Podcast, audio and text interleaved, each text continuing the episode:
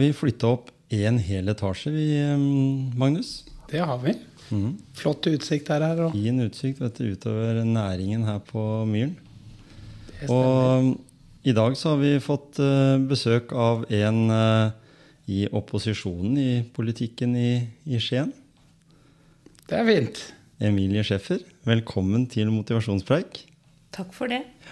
Uh, det å være i opposisjon i en Altså, i Skien da, så er det jo kvinnelige politikere som rår, som styrer og steller. Og du er jo på en måte Høyre sitt alternativ til eh, Hedda, som vi har hatt der tidligere. Mm -hmm. Og dere har nok sikkert hatt deres motsetninger i den. Men, men, hvordan er Emilie, da? Hvordan Kan du fortelle litt om Emilie sin barndom, og ikke nødvendigvis sånn helt fram til i dag. Men kan vi begynne litt på det? Hvor er du vokst opp hen, og hva er interessene dine? Ja, jeg vokste opp på Gråtamoen i Skien. Eh, og vokste opp som eldstemann i en søskenflokk på tre. Og i disse tider hvor vi snakker om flyktninger og ta imot det i Skien, så jeg var også datter av en flyktning. Og vi var nok litt prega av det i barndommen med en far som eh, hadde sin eh, bakgrunn, så flykta. Han flykta to ganger. Eh, både fordi han var jøde. Mm. Når han var 18 år, så ble han tatt til fange og satt i en leir. Men han klarte å flykte. Og i 56 så flykta han fra kommunister når Russland eller Sovjet da invaderte Ungarn. Mm. Så det prega nok litt barndommen. Eh, moren min er eh, norsk, så vi, vi, hadde en god og trygg barndom i Skien. Mm. Gråtamoen, det var en fin plass å vokse opp. Det var veldig fint på Gråtamoen. ja, ikke sant? Mm. Jeg husker jo det. Jeg kom jo fra Gråten, da. Så vi skulle alltid eh, eh krige mot de opp fra Gråtamoen og litt lenger bortover. Kjølbekkhøyda og bygrensa og nedover. Så det var veldig store kontraster. Vi fikk jo knapt nok lov til å gå over Porsgrunnsveien når vi var små. Mm. Eh, hvilken gate? Militær gate, eller? Det var Kurerveien. Kurerveien, ja. Og det var jo så trygt og godt å vokse opp på Gråtamoen, så nå flytter jeg faktisk tilbake til nabohuset. Eller de bygger et rekkehus der som jeg flytter inn i da. Ja, mm. Så bra. Det er jo en gammel militærleir. Det, det var altså Gråtenmoen. Det var jo liksom, nei, det var jo liksom leiren før det ble Heistadmoen. Så de flytta jo den leiren opp til, opp til Kongsberg. Så det er jo, og det var en av de store militærleirene i, i regionen her. Så det var uh, stort. Så jeg, jeg har jo lest litt om den historien, og da var det visst sånn at de hadde skyttergraver oppe på det som vi kalte for haugen, eller der det er hus i dag. Så hadde de skyttergraver. og det var veldig sånn at de som bodde da i Gråten og på Gråtamoen, de jentene der spesielt, de lagde de skyttergravene om til hytter. Og hadde pynta med dokker og sånn. Så når de soldatene da kom ned i skyttergraven igjen og skulle krige litt igjen, da, så var det jo dekorert med både dokker og bamser og ting og tang. Og det var eh, veldig sånn, Så det var sånn det, det var det jentene gjorde den gangen. Mm. Spennende. Eh, du sier det at du vokste opp eh, på Gråtamoen med da en, en far som har, som har vært igjennom litt av hvert. Og det er ikke til å komme unna du skal fortelle mer om, om de tinga som du har gjort eh, opp igjennom. Men mm. Eh, vi er jo i en tid akkurat nå da, som gjør at vi og våre barn også får om ikke opplever det rett på kroppen enda, så, så har, føler vi jo med litt i forhold til det som skjer nede i Ukraina. Mm. Mm. Må nesten ta det med. For det er eh, tenk, Tenker dere som, som, har da noen i familien, sånn som du har faren din, på det at, eh, at det har vært i en sånn krigssituasjon? Det er klart en tenker på det. Og så når vi har egne barn også, så får vi jo spørsmål Jeg har jo også til og med barnebarn. Mm. Så får spørsmål om dette her er farlig, det som skjer nå. For det barn får jo med seg mye av det som skjer på, på TV og på nyheter. Og så er det da å forklare på en enkel måte hva det er som skjer. Og så prøve samtidig å berolige. Og at dette her er ikke farlig for oss. I hvert fall tror vi ikke det sånn i, nå. Men eh, å berolige barna. Mm, det er viktig. Ikke sant? Det, og det at vi er i trygge Norge på en måte, gjør jo at vi kanskje nå må åpne armene litt og ta imot uh, flyktninger òg, blant annet. For det har vel vært de første, har vel allerede kommet til Norge. De første har kommet, og det er klart eh, Skien og Norge har en god tradisjon på å ta imot flyktninger og ønske de velkommen hit. Så, og det må vi gjøre nå også. For det er mennesker som står nå og får livsgrunnlaget sitt eh, trua. Ja. Eh, I vårt nabolag, som Ukraina faktisk er. Mm. Så det er noe vi er forplikta til å gjøre. Mm. Men Emilie, hva gjorde du når du var eh, liten knott oppe på Gråtamoen? Hva holdt du på med der oppe? Jeg har aldri vært noe idrettsmenneske, så jeg drev ikke med idrett. eh, Men jeg, jeg gikk jo på skole og var veldig opptatt av Og jeg, var, jeg er konkurransemenneske, så jeg skulle alltid sammenligne meg med, med han som gjorde det så godt i klassen min. Så det å få gode karakterer, det var viktig for meg. Og samtidig så drev jeg og sang. var sangpedagog og spilte piano og speider og sånn. Så jeg gjorde det som barn flest eh, driver med, tror jeg. Ja. Mm. Men engasjement og sånne ting, hadde du noe av det tidlig? I forhold til sånn politisk, og hadde du noen sånne ting? Nei. Så jeg hadde aldri tenkt at jeg skulle bli politiker. Før jeg blei ringt eh, opp fordi jeg hadde riktig kjønn og riktig alder når jeg var rundt 35. Ja. Eh, fordi at jeg sto på lista til et parti, eh, Høyre, i Skien. Så, men politikk har aldri vært noe som jeg har tenkt at jeg skulle drive med. Nei. Nei, Nei. ikke sant? Interessant. Nå står du i det med begge beina. Ja, det har jeg gjort nå noen år. Jeg har vært med i fire perioder, tror jeg. Så ja. Mm. Spennende. Politikk er spennende når man først kommer inn i det og lærer seg hvordan ting fungerer, da. Må man kanskje være litt tålmodig noen ganger? Eh, For å være politiker så må du være veldig tålmodig.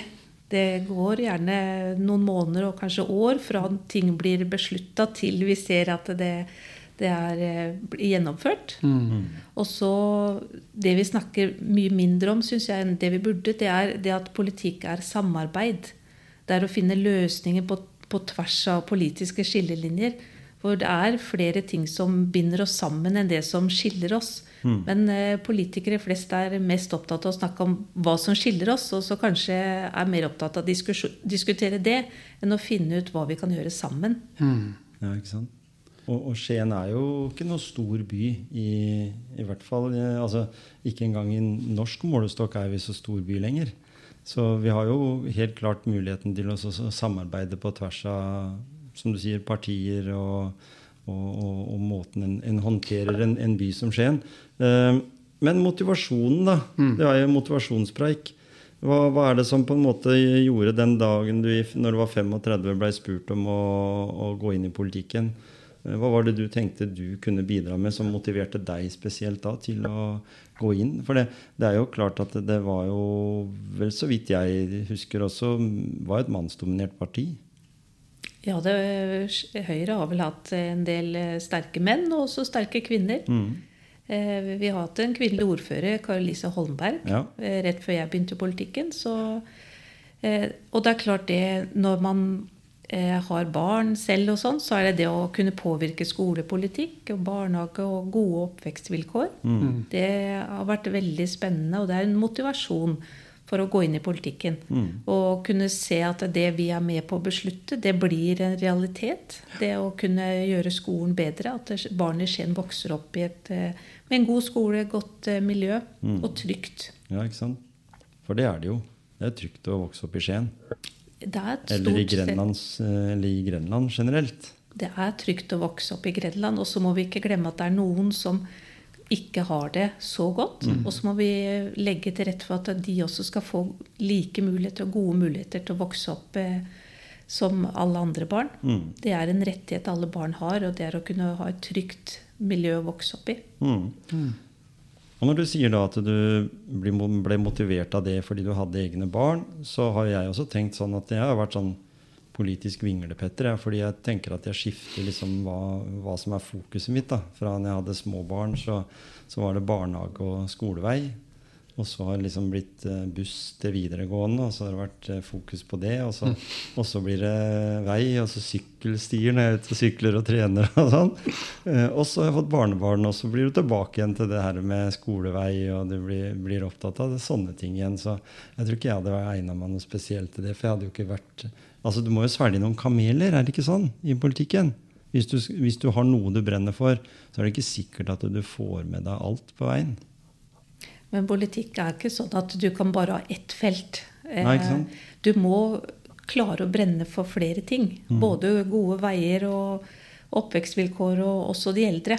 Ikke sant? Eh, og det er sånn når du er interessert i samfunnet rundt deg, man følger med på nyheter, og så hører man hvordan eh, eldre, at noen eldre kanskje ikke får det tilbudet de har krav på og burde få. Mm. Så, så klart, hvis du har den iboende at du klarer å brenne for flere ting, så er det masse spennende en kan gjøre i politikken. Og så handler det mye om å gi og ta i noen situasjoner, da. Det gjør det også. Vil jeg tro i, sted, i forhold til sine egne standpunkt. At man må på en måte file litt på det noen ganger. Det er jo både å gi og ta, også det å lytte til andre også. For det, og det lærer man i politikken, for andre har kanskje et annet ståsted og ser litt annerledes på en ting. Og så sette seg ned og lytte. Og det er en grunn til, jeg, til at man har to ører og en munn.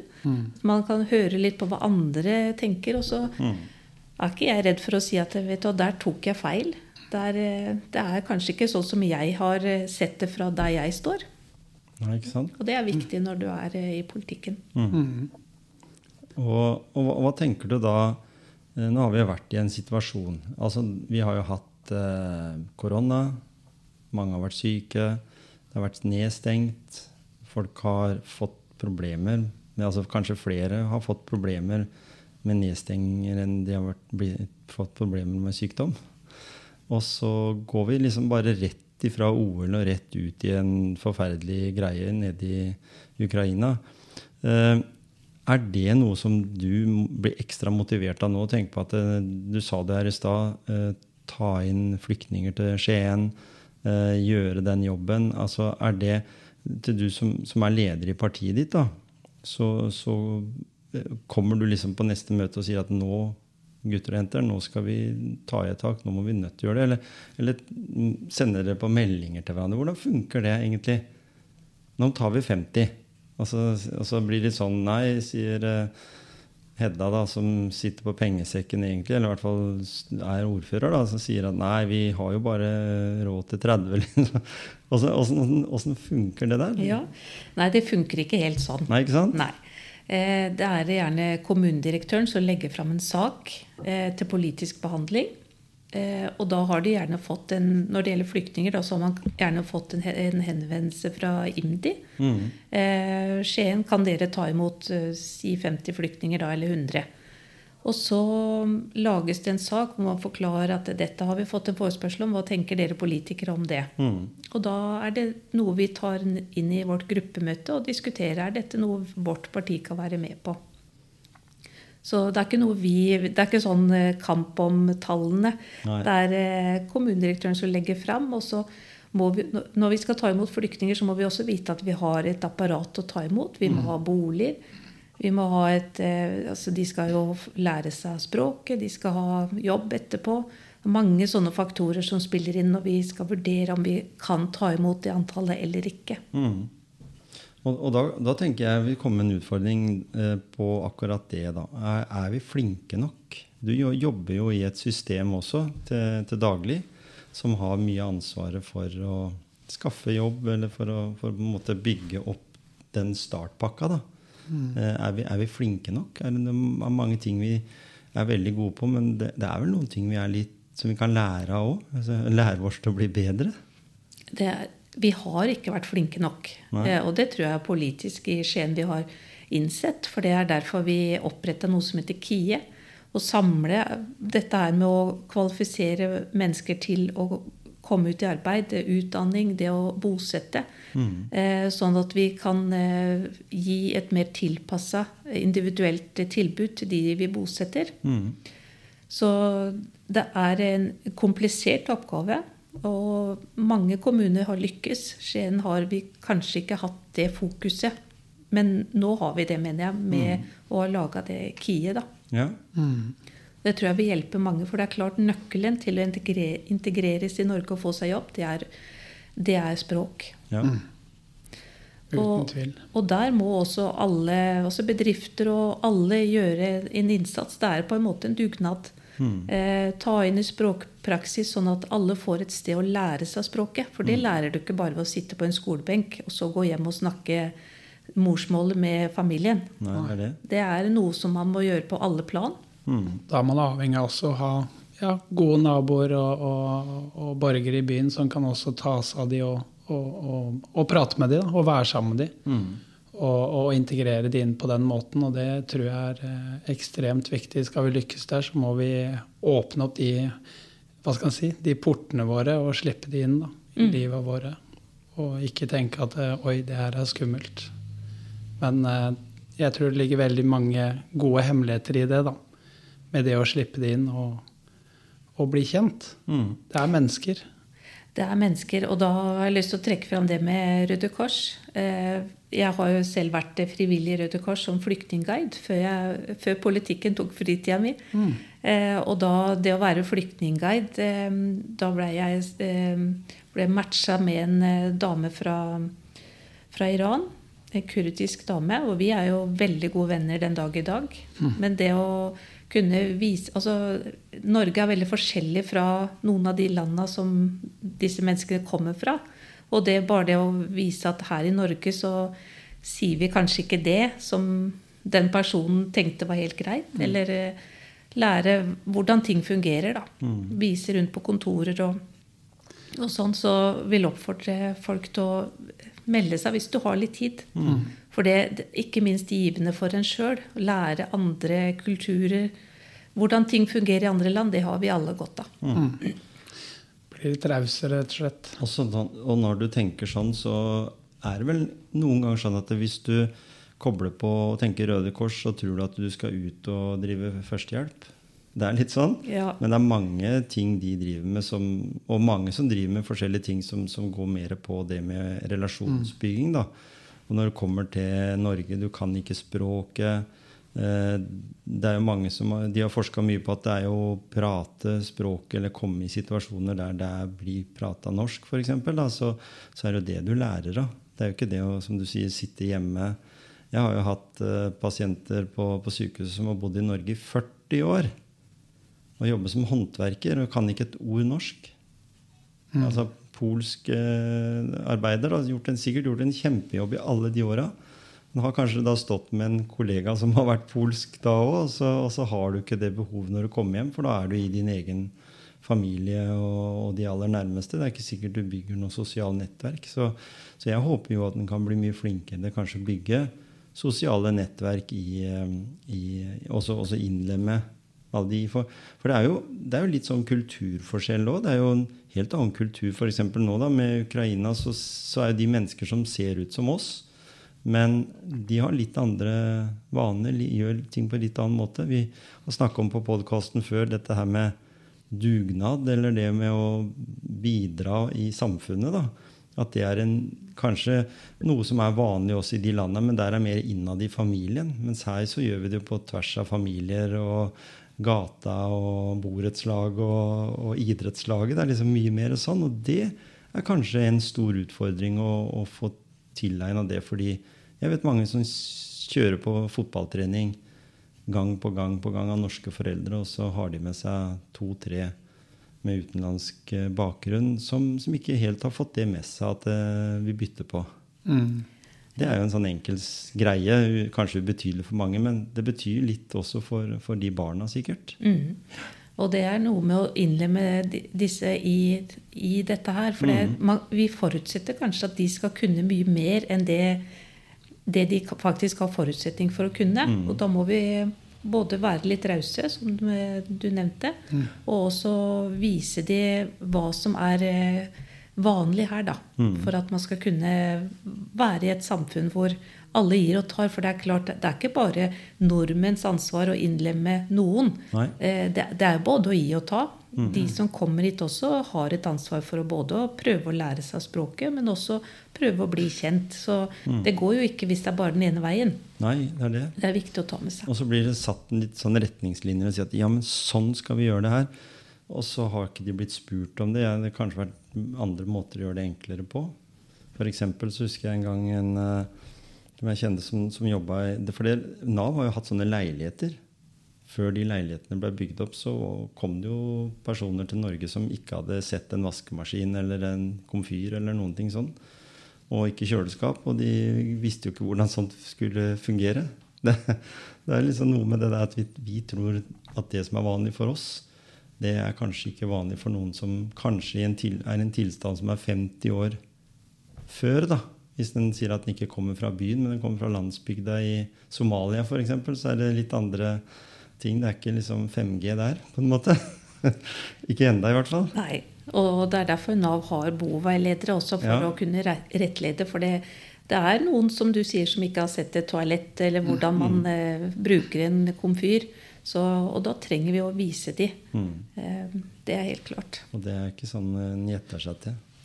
Nei, det er det absolutt ikke. Men jeg tenker på nå, når vi, nå har vi snakka mye lokalt og sånne ting, men i, i Norge så har vi hatt regjeringsskifte, da.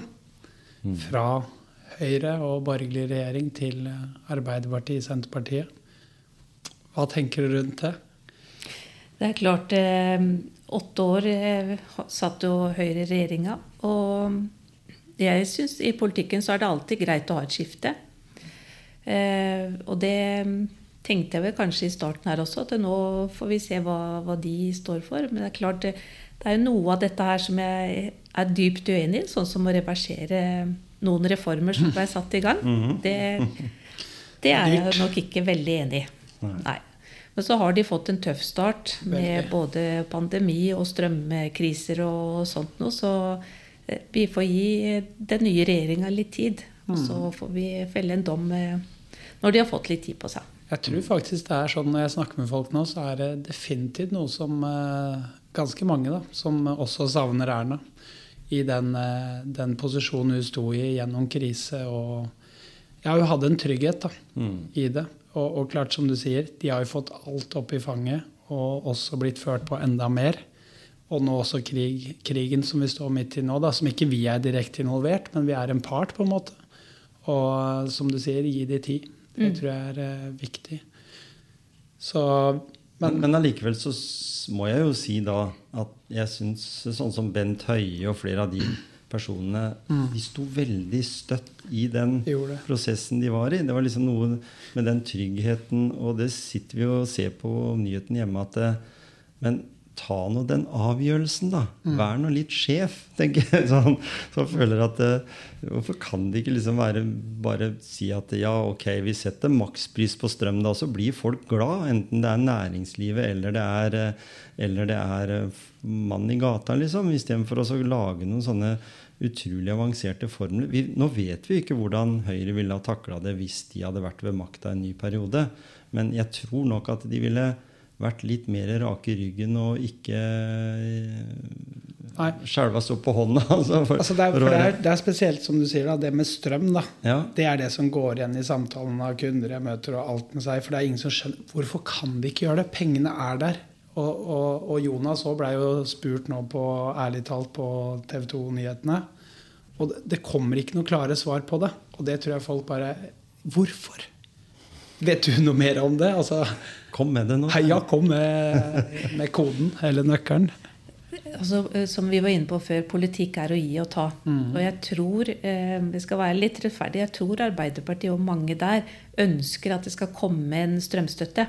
Vi har, I Skien så har bl.a. ordfører og jeg snakka om det med eh, strømstøtte til næringslivet. Det er mange i næringslivet som sliter med høye strømregninger.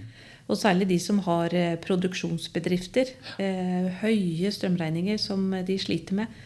Eh, Og jeg vet at eh, både Hedda og Næringsforeningen og andre har jobba hardt eh, innover. Eh, Men det er klart, når man er flere partier, så er det kanskje vanskeligere å få til eh, en så, enighet om en sånn støtte og hvordan det skal være. Også når det gjelder Erna og Bent sto støtt. Men de hadde nå sittet i syv-åtte år. Mm. Når Hvis- det her kom. Når dette her kom, så Det er derfor jeg sier vi må gi litt tid. For vi kan ikke sammenligne de med noen som har sittet i den rollen Neida. i åtte år. Det er sant. Så jeg, jeg tenker at eh, vi får være litt rause med de som sitter der nå. Og så etter åtte år så regner jeg med at eh, dagens statsminister og helseminister er like stø, de også. Mm. Men, men det, for, for da tenkte jeg på det med strøm, som jeg syns jeg fikk godt svar på. Men jeg tenker de der som mange spør om, ja, de tjente ja, 40 milliarder eller hva det var, og så brukte de 12 milliarder i strømstøtte tilbake. Hva med resten? Pengene er jo der. Og den der formelen på det, hvorfor kan ikke folk få mer, eller sette en fastpris, eller noe sånt noe? Og du er inne på det med næringsliv, da. Som jeg kjenner veldig på at det er utrolig viktig å være tidlig nok. For å ikke miste små og mellomstore bedrifter pga. strøm i Norge. Og det, er- der er jeg veldig utålmodig. Der kan ikke vi sitte og se på at noen går eh, dukken fordi at vi ikke kunne gi den strømstøtta. Og staten tjener enorme beløp på denne høye strømprisen. Vi produserer olje og gass som eh, bare det. Aldri før. Som aldri før. Så det er klart, dette går for seint. Det er jeg veldig enig i. Men eh, samtidig eh, Noen nevner jo dette med fastpris. Og da kommer det litt advarsler også. Hvis det er en fast pris, så kan det bli, bli det minsteprisen. At eh, man på en måte legger seg så høyt opp til, tett opp til maksprisen at det, da er det ikke noe slingringsmonn nedover. Så jeg vet ikke. Men jeg tenker bare at noe må gjøres. Og det haster. Mm. Ja, jeg tror faktisk her i dette bygget vi har her, eh, Magnus, så tror jeg faktisk eh, det er høyere strømregning enn husleie. Så det Per nå, ja. Per nå. Ja. Men det er som du sier, vi har hatt eh, fantastisk billig strøm i veldig mange år. ja. Vi er ikke vant til det her. Og, og nå når flere ting begynner å ryke på det ene og det andre, og renta går opp altså Det er jo fortsatt en veldig, veldig lav rente. Men for oss så er eh, Vi er blitt godt vant òg, da. Eh, I forhold til resten av Europa så ligger jo vi under på strømpris også. Så det er viktig å si. Det ble, brå, det ble brått, liksom. Og, det, og jeg vet at matprisene også går opp. Men når vi snakker nå Vi er jo på grønt kontor. Her, her tenker vi gjenbruk. Her tenker vi jo lyst til, i hvert fall så mye vi kan tenke miljø. da. Eh, og det er ikke bare bestandig enkelt. Eh, men vi har kommet nå i en fase der eh, FN har lagt fram en, eh, av, en, en, en sånn, ja, si, en avhandling om hvordan vi må tenke framover. Og vi vet jo det at eh, vi har visse mål mot 2030. Eh, men allikevel så er jo jeg litt bekymra, fordi Norge er jo utrolig avhengig av gass og olje.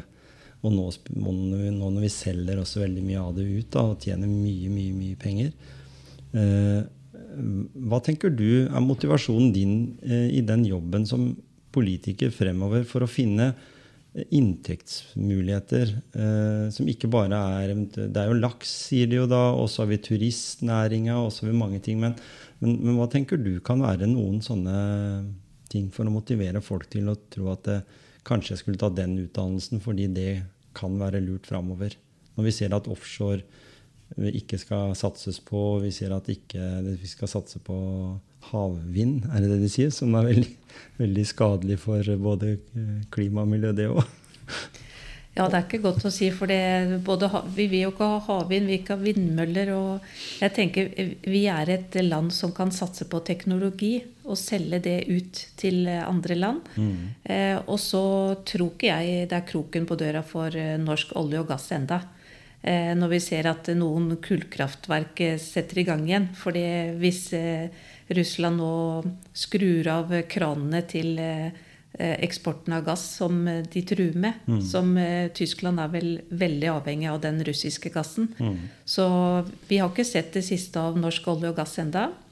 Og så jobbe med bedre teknologi der, tenker jeg, for å ikke gjøre det sånn at kullkraftverk settes i gang igjen, men at vi kan ha vår grønnere industri som vi selger til eh, andre land. For hvis vi skrur av olje og gass her, så vil jo en del land i verden kanskje bare le. Fordi eh, da bare skrur de opp og tenker da er de kvitt en konkurrent, hvis du skjønner hva jeg mener. da. Altså Vi er jo Vi er jo store, men ikke så store. Vi er ikke på ti på topplista. Nei, vi er ikke det. Nei. Vi er ikke det. Til og, med, så Ku- det er til og med Kuwait er større enn oss på olje. helt riktig. Og så Vi er vel det landet som i hvert fall produserer grønnest, tror jeg. Mm. Så det er viktig å ta med i regnestykket at vi tenker hele tida nei, vi må skru av, liksom. Men eh, jeg tror det er en del andre ting som må gjøres først. Da. Ja, For da skal vi kjøpe strøm fra kullkraftverk for, for å lade Teslaen? Nemlig. Det, Og for meg blir det litt underlig. Ja, jeg, så det? jeg tenker at vi, vi, vi må bruke huet samtidig som vi skal tenke at vi skal bli grønnere, og vi Mm. skal eh, kutte utslipp. og da kan det jo fort bli sånn som i Okkupert, var ikke det den serien på TV 2? Jo, jo. Da sa jo Russland dere er tette, dere. Ja. Da tar vi det, da. Og så står vi midt her i dag Ja. Mm. og sitter med gull for verden, rett og slett, Ja. i den krisa vi er i. Mm. Og det, det har jeg også tenkt på. Vi står jo for 20% av gassleveransen til Europa, og Russland står vel for 60 eller noe sånt. Mm. Og hvis Russland skrur av nå, da, så er definitivt eh, gassproduksjonen vår et mål. Kan Mm. være. Det håper jeg de tenker på. Ja, ikke sant? For klart at da Ja, man kan spekulere mye i det. Ja. Vi kan dra det Ja. veldig langt. Vi kan Det det. er, det er helt naturlig at det blir litt fokus på politikk, eh, siden vi har en politiker her. Eh, men da vi har lyst til å vi, vi har jo I Grenland så har vi noe, noe som, vi, som på en måte har blitt brukt nå veldig fornuftig, syns jeg, da, bompengeringen. Eh, det fins jo motstandere av den nå, noen må jo klage på alt. Jeg syns jo det at en gjør mye bra med de pengene som en forvalter der, ut mot å ruste opp ting. Men en ting som jeg tenker som kanskje kunne vært gjort enda bedre Jeg så det faktisk seinest når jeg sykla hit nå i stad. At eh, vi må få gjort noe med biltrafikken. Det er altfor mye trafikk i denne lille byen. Eh, på sånne korte avstander, sånn som jeg sykla fra, altså fra Hjemsø til biblioteket og fra biblioteket og hit. Eh, og det, jeg, jeg kom helt sikkert fortere hit enn med, enn med bil. Eh, hva, hva må til for å motivere flere til å velge den der eh, tohjulingen, da? For du velger vel det du innimellom òg, gjør du ikke det? Sykler du innimellom, eller er det bare er det Ja, bare jeg har elsykkel. Ja. Jeg har, når jeg flytter tilbake til Gråtabånd, Ja. så har jeg tenkt å bruke den mer. ja, ikke sant? Eh, Men det er klart, eh, vi har jo en tidligere sykkelgeneral i, i Høyres gruppe, Mhm. Harald Tidemann Hansen, så han eh, forteller veldig mye om hvor dårlig eh, sammenhengende sykkelveinett vi har. Mm. Og det er klart, For å få flere til å sykle, så må vi ha godt tilbud der. Ja. Eh, Ikke sånn oppstykka og farlige passeringer og, og sånn. Så for det, det er en utfordring hos oss. Mm. Og så må flere av oss tenke alternativt. At det går an å hive seg på bussen. Tenk på det vi har, vi har hatt, og vi har fortsatt Norges billigste busskort. Mm. 400 kroner, 430 koster det vel nå. Men altfor få bruker bussen. Og hvorfor er det sånn? Er det fordi vi, vi er litt bedagelige? Vi har lyst til å Det skal gå fort. Vi er ikke vant til det. Ikke. Ikke i det hele tatt. Jeg tok jo ikke bussen før jeg var eh, 16 kanskje første gang. Men det var fordi jeg sykla til skolen. Jeg har nok ikke tatt bussen buss siden sykkelen. jeg var 16. Ja. Ja. Nei, men jeg, jeg tror det er superviktig det du er inne på der. Mm. Og jeg tror, eh, som du sa også nå, da, at vi har faktisk landets billigste mm. busskort. Mm. Det ante i hvert fall ikke jeg. Og så går det hvert tiende minutt Nei. i, i rushtrafikken. Det er det. Det er jo fantastisk. Så det er jo ingen grunn til at ikke flere skulle bruke bussen. Men vi må jobbe med våre egne vaner. Det hjelper ikke hva staten sier eller kommunen sier at, og trer nedover oss. Nei. Vi må på en måte gå inn for at det, det skal jeg gjøre. Mm. Og så kanskje markedsføre det tilbudet bedre. Det går jo busser langs bybåndet. Mm. Og så vet jeg en annen ting. Kanskje åpne Kongens gate kunne hjelpe litt. Kanskje. Jeg vet ikke. Nei, mulig. Jeg kommer fram overalt jeg med sykkel. Ja, det, det har jo litt med saken å gjøre akkurat nå, det òg. At det er mer trafikk i sentrum. Ja. Det er det ingen tvil om. Ja. At den ene veien som er fjerna der, er uh, viktig vei. Og det blir, men det blir bra når de blir ferdige, da. Ja, Jeg jobba med det sykehjemmet vårt. Som vi må få der i, i Der du skal være, da? ja, jeg, Kanskje. Jeg, Du har søkt om jeg, jeg har ikke så veldig lyst til å bli gammel i Skien, jeg, men Det er jeg. Jeg vil gjerne bo der nede. det er så, det er så mye ventelister. Å ja. Men det blir en annen sak. Ja. Det neste gang jeg brenner for noe. Da må jeg bli ti år eldre. ja. Ja, stemmer det. Da er det Pensjonistpartiet, kanskje. Nei, jeg vet ikke. Ja. Men eh, når vi snakker om det med, med sykkel, da. Eh, Så du får elsykkelen din fram igjen eh, når den tida kommer. Nå kommer på, til Gråtamoen, vet du. Nå er det jo åpna et nytt eh, spisested på Gjemsø igjen. Man bør ikke sykle helt inn til byen. Men allikevel, fra Gråtamoen, Kurerveien og inn til byen med elsykkel, så bruker du 12 minutter. Og så bruker du kanskje 12-13 med bil. Så det er ganske sånn. Og så må du betale parkering i tillegg. Da må vi gjøre enda mer ut av det her med sykkelhotell. Parkeringsplasser der sykkelen din kan stå trygt. Men nå er det et sykkelhotell eh, midt på Landmannstorget. Som Som- vi har brukt rundt 90 millioner for å ruste opp. Mm. Så det, det er jo et tilbud. Ja. Er det fullt? Det vet jeg ikke. Nei, det lurer jeg på, Jeg har ikke stått der. Nei, så det, to, det var to sykler der her om dagen. Ja, var det det? Ja, ja. Ja, Men men det, så- må, du må vende, det er akkurat som med buss. Du, du må vende folk til det. For hver gang jeg kommenterer på Facebook at uh, det går an å sykle til byen, så får jeg bestandig beskjed om nei, de kan ikke det, fordi jeg kan ikke sykle med så mange bæreposer på styret. Men jeg, jeg har jo aldri sagt at du skal gjøre ukeshandelen din på sykkel. Nei, Det går an å finne løsninger der, tror jeg. Og så er det det vi snakka om her om dagen nå, Tom Kjetil. Det handla jo om det med, med vei fra Skien og ut til motorvei. Mm. Det har jo vært snakka om i veldig mange år. Og ja, jeg vet ikke hvor, det, hvor de tinga der ligger nå. Jo, det kan jeg si. Ja. Nå har vi jo snart eh, nedbetalt den bypakka som vi er inne i nå. Og neste bypakke som vi begynner å snakke om nå, for det, folk har nok vent seg litt til at vi har bompenger. Mm. Hvis vi skal gå inn i en ny bypakke, så er det rv. 36, som det heter. Som da skal gå fra Geitryggen og så ut til E18.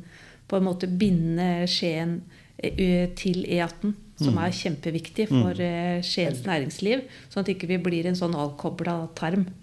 Eh, For vi ser jo at næringslivet også etablerer seg ute ved E18. For det er kort adkomst og, grei eh, måte å komme seg ut på E18 på. Og vi må sørge for at Skien også blir et sted hvor man raskt kommer seg videre. Nemlig. Så, og derfor jobber vi med, med rv. 36 og en ny bypakke eh, som skal finansiere den veien, da. Ja. Så spennende. For det, vi snakker jo om de 20 minuttene du sparer. Det er jo de det er snakk om. Mm. det er ganske mye, og ikke minst eh, tilgangen og tilgjengeligheten og, og gjøre oss fine og for næringslivet. da. Mm. At de har lyst til å etablere seg i Skien og tenker ok, det ligger litt der inne, men eh, det er veldig fin plass å være, på en måte. Eh, Og samtidig lett å komme til motorveien. Det tror jeg vi har Mm. dette litt bakpå pga. at ikke vi har hatt At vi har ligget liksom litt for langt inn. Ja. Mm. Eh, Det tror jeg vi har tapt noe på. Vi, vi har jo Siljanveien, men det skaper jo ikke trafikken og den tryggheten du har ved å kjøre på E18. For det er jo mye, mye safere. Ja. Og nå kommer jo etter hvert en ny eh, bru både over eh, til eh, Bamble, men også i Langangen. Så når det er på plass, da er jo flere av de flaskehalsene borte. Og da det er jo I dag så kjører vi vel fra Porsgrunn til, til Larvik på 15 minutter eller noe. Ja, det går jo så radiat. Blitt fantastisk. ja. Men toget også må vi jo ikke glemme, da. Vi har jo jernbanen. Togstopp i sentrum. Ja, Ja, og det er jo noe vi politikerne i Skien jobber veldig for. Ja, at vi skal bra. få togstopp i Skien. Mm. Uh, og jeg har nok savna og hatt noen forespørsler også tidligere. fordi at eh, Hva med de som bor i nordre bydel og kunne parkere på togstasjonen Skien og så ta toget til Porsgrunn? Det hadde jo fått en del biler vekk fra veien. For, for mange kan det være mer eh, aktuelt enn å ta bussen, som stamper i den samme køen.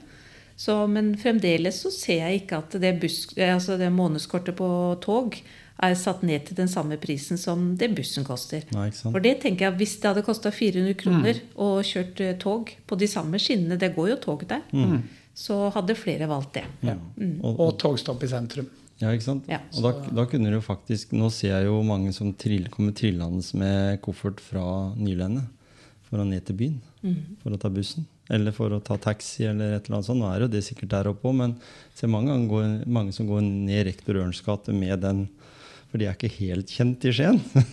Nei, og det er et stykke utafor byen. Det er det. Nå står det alltid, så vidt jeg har sett, busser Busser, ja. Det gjør det. som går ned til Landmannstorget. Men eh, likevel. mm. det skulle vært et bedre tilbud. Det har vært kjempegøy å ha det inni der ved parkeringshus. Med, det har blitt en sånn metrostopp, det der. altså. Så vanvittig dyrt bør ikke det bli Nei. med togstopp. Når vi snakker fem milliarder om en bybane, så kunne det være greit å bruke kanskje fem millioner på en togstopp, da, en togstopp isteden. Og så se om vi vender folk til å bruke den traseen mellom Skien og Porsgrunn. For jeg må jo si at stasjonen i Porsgrunn er, ligger veldig sentralt til. Både med pendlerparkering og med det nye næringslivet som vokser opp rundt eh, i det området. da. Så det har, jo litt, det har litt mer med logistikk og hvor du plasserer ting enn i dag enn det var den gangen. Eh, I, i gamle dager, da, eh, når vi var små knotter alle, alle der, Du var jo ikke påtenkt engang. Så Magnus, Var så var jo, da var jo togstasjonen ned på bryggene. Ja. Ikke sant? Det var der den, der den stoppa. Og så gikk den jo tilbake igjen da, og så inn på sporet for å komme opp Bratsbergbanen opp til Notodden og sånn. Men allikevel, da var det der nede. Åh.